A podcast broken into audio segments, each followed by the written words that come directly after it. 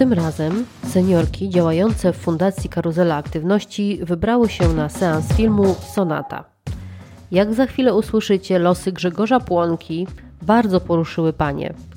Zapraszamy do wysłuchania 48 odcinka podcastu Srebrny Lublin. Pierwsze pytanie, czy się Wam film podobał? Może zaczniemy od Pani Barbary. Czy się Pani film podobał? Tak, y, bardzo mi się podobał. Ciekawy temat. Pani Ania. Też mi się podobał, dobra gra aktorska. Super. Pani Jadwigo. Mnie też bardzo się podobał. I Pani Grażyna. Też mi się podobał. Mi też się film podobał, muszę przyznać. Jakbyście miały na przykład jednym zdaniem powiedzieć, o czym jest ten film, to co byście powiedziały? Że Ja o bym czym? powiedziała o ciężkiej pracy i tych nauczycieli, którzy od początku e, próbowali go uczyć, rodziców i jeszcze o takim, takiej indolencji, bo e, ktoś na początku powiedział, że to jest chłopiec autystyczny i ża żaden lekarz się później nawet nad tym nie żachnął, że, to, że może to być nie, nie autyzm. Pani Barbara, o czym według Pani jest taki, jakby miała Pani jednym e, zdaniem powiedzieć, o czym jest film? No jeżeli jednym zdaniem, to dla mnie jest to y, film o problemie niepełnosprawności. Pani Aniu. Dla mnie o pokonywaniu wszelkich barier i o, o trudnej drodze przy pokonywaniu tych barier. Pani Grażyno. O lecznictwie w Polsce i o roli wychowania dzieci w rodzinie. Która z postaci y, wzbudziła Waszą największą sympatię? No mnie się spodobał ojciec Grzesia. Chociaż e, aktor, który grał rolę Grzesia, bardzo dobrze grał, bo Łukasz Simlat. Łukasz, tak, no to ja myślałam, że to autentyczny człowiek chorujący e, z, problemami Aha, zdrowotnymi. to- Myślałam, że, że, że to jest autentyczny człowiek, który ma problemy zdrowotne. Mhm, to Grzegorz Michał Sikorski, tak się nazywa aktor. Czyli ja mam tam dwie postacie, czyli tego Grzesia, który bardzo dobrze grał swoją rolę i ojciec. Pani Małgosia to taka. Mnie natomiast zachwyciła rola y, matki, no, no właściwie to, to przysposobionej, przybranej matki, bo, bo ona nie była y, biologiczną matką.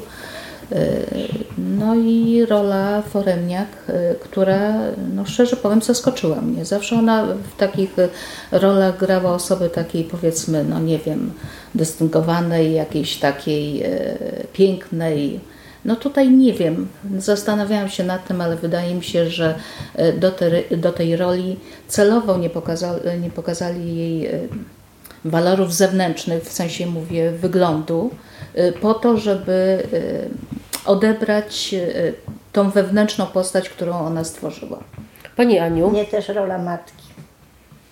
Pani Jadwigo. Ten chłopiec, y, aktor, który grał rolę tego Grzesia, ale wracając do tego, co powiedziała Basia, to jest film niskobudżetowy, więc tam nie było y, specjalnie scenografii takiej bardzo y, kosztownej i stąd też i nie było pokazywania y, osób grających tam w jakimś takim świetle Nie, ekstra. nie, nie, nie, ale nie chodziło o to, że, że, że, że po prostu jej rola właśnie miała na tym polegać, żeby zobaczyć y, ja wiem, jakieś takie wnętrze, wnętrze po prostu matki, która walczy o, o swoje dziecko.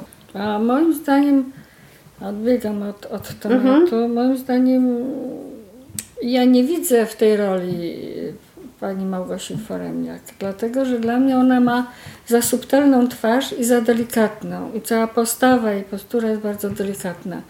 A, a jak widzę ten e, dom taki wiejski na Podgórzu, bo, bo to góry czy, czy, czy Podgórze, e, więc y, ona mi do tego obrazu nie pasuje ze fizjo- fizjonomią, ze swoim wyglądem. No, jest, dla mnie jest za delikatna. Ja tam widzę jakąś postać, która jest taka, nie to, że siermiężna, ale taka usadzona w tamtych realiach, w górach, a wiadomo, że góralki i górale są tacy bardzo no, osadzeni w tym, Teraz gdzie żyją. większość mieszka takich właśnie mieszczuchów się przeprowadzili. Po prostu oni No ja nie wiem, ale ja to sobie... artystów Tak.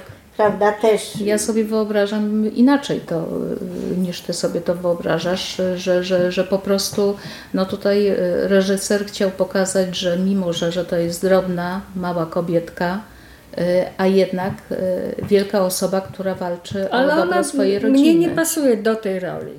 Ja widzę ją taką e, miejską kobietę. Tak po obejrzeniu tego filmu, tak jak sobie chciałam to wszystko ułożyć, to no dużo, duży przepływ myśli miałam na ten temat i sobie tak wykalkulowałam, że y, trzeba to rozebrać na trzy, na trzy części. Z punktu widzenia y, rodziców, z punktu widzenia Grzegorza. Sytuację, która tak, była przedstawiona. I z punktu mhm. widzenia brata. No tutaj Tak. da się zauważyć, że z każdego z tych trzech punktów widzenia, z tych trzech tematów, każdy inaczej y, odbierał ten, y, no nie wiem, no, bo tu cały czas mówimy o tej nie- niepełnosprawności, odbierał tę y, niepełnosprawność. Ten Inaczej brat, rodzice, inaczej brat, a inaczej sam ten grześć płonka. To znaczy, rodzice odbierali, ja Właśnie. uważam, że bardzo jednoznacznie i obopólnie, bo oni poświęcając temu dziecku wszystko, e, nie zwrócili uwagi, oboje, nie oddzielnie, tylko oboje razem, nie zwrócili uwagi na tego młodszego syna, czyli brata Co właśnie się odbiło później w, te, w tej jego wypowiedzi Bo tego chłopca. zwróćcie uwagę dziewczyny, że to dziecko cały czas siedzi w kapturze. Mhm. I on się chroni przed rodzicami, bo ci rodzice uwagę poświęcają tylko temu Grzesiowi. On, on nie istnieje i raczej jest popychany. Zrób to, Grzesiek, wołaj go na obiad.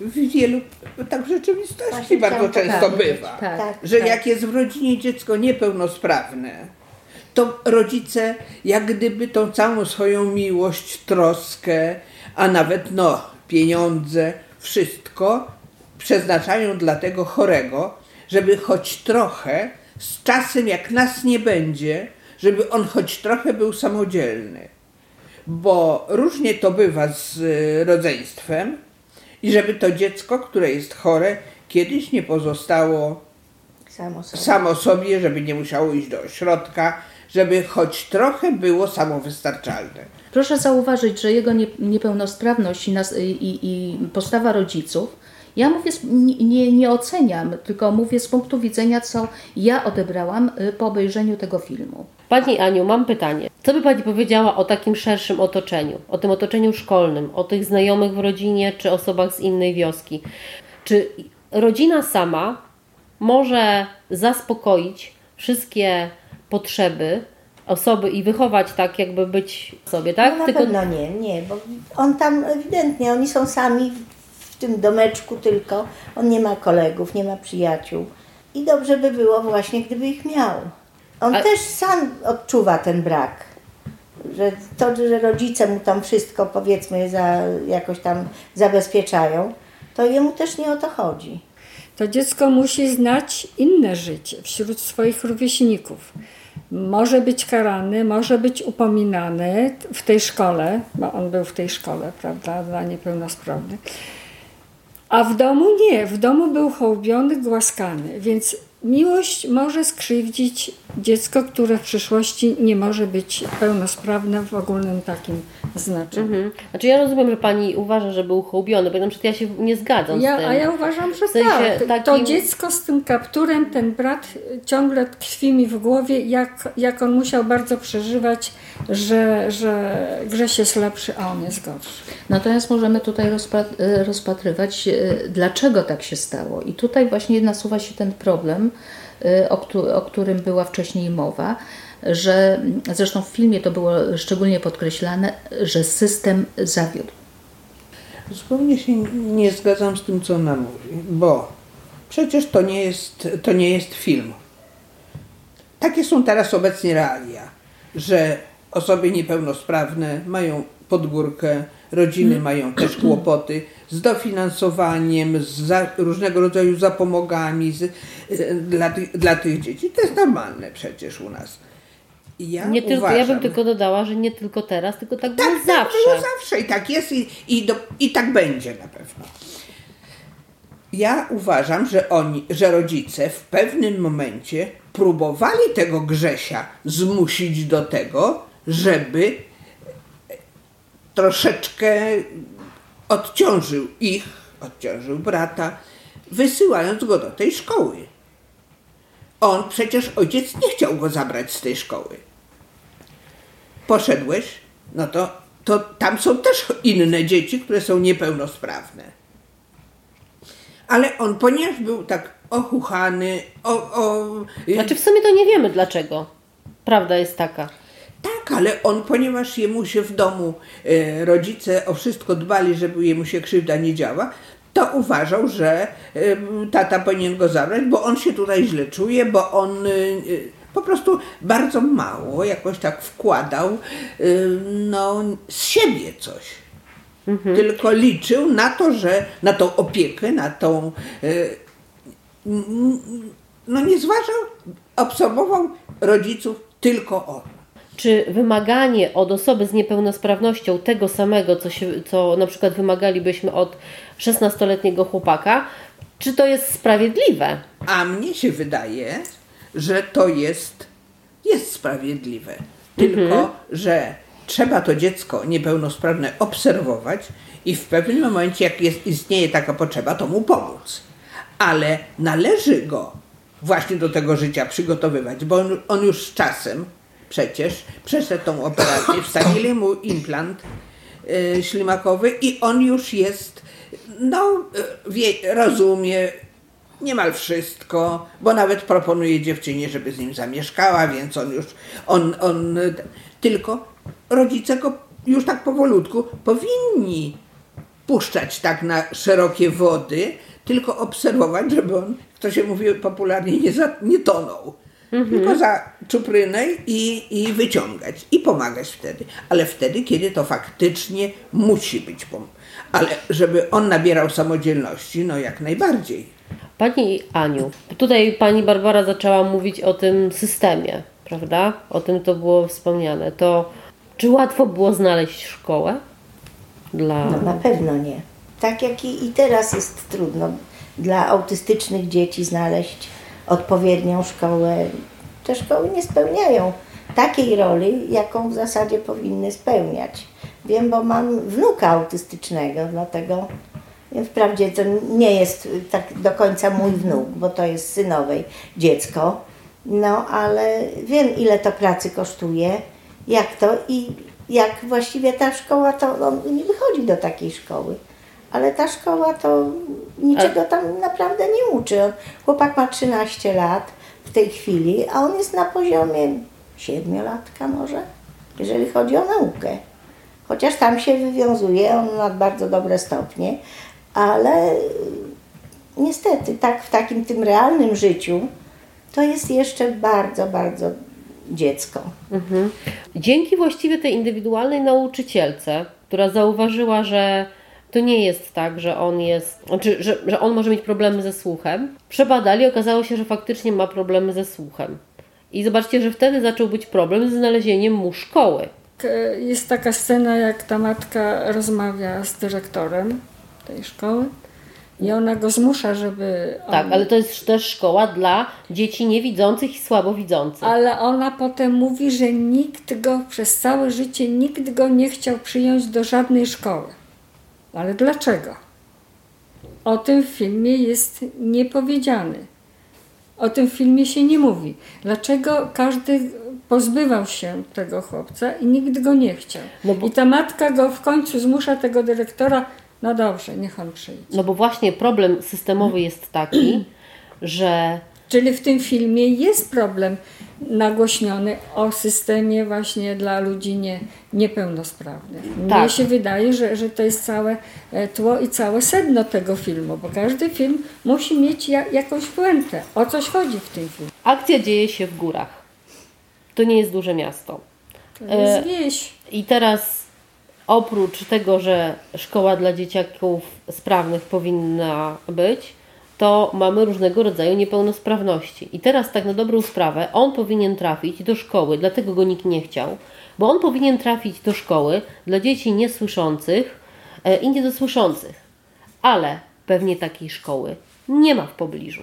Problem systemowy, że jest tak, że może być, że nie ma szkoły dla dzieciaka, który ma jakąś Tak, bo tam To padła. kogo winić, że to dziecko No jest właśnie- takie, jakie jest? No kogo winić? Bo trzeba kogoś obwinić. No właśnie, wydaje mi się, że nie, bo to nie No jakby. jak to nie? Ale Przez tych ludzi niedouczonych to dziecko zostało pokrzywdzone. Pan Bóg się pomylił. właśnie jakby trzeba obwinić chyba byłoby naturę.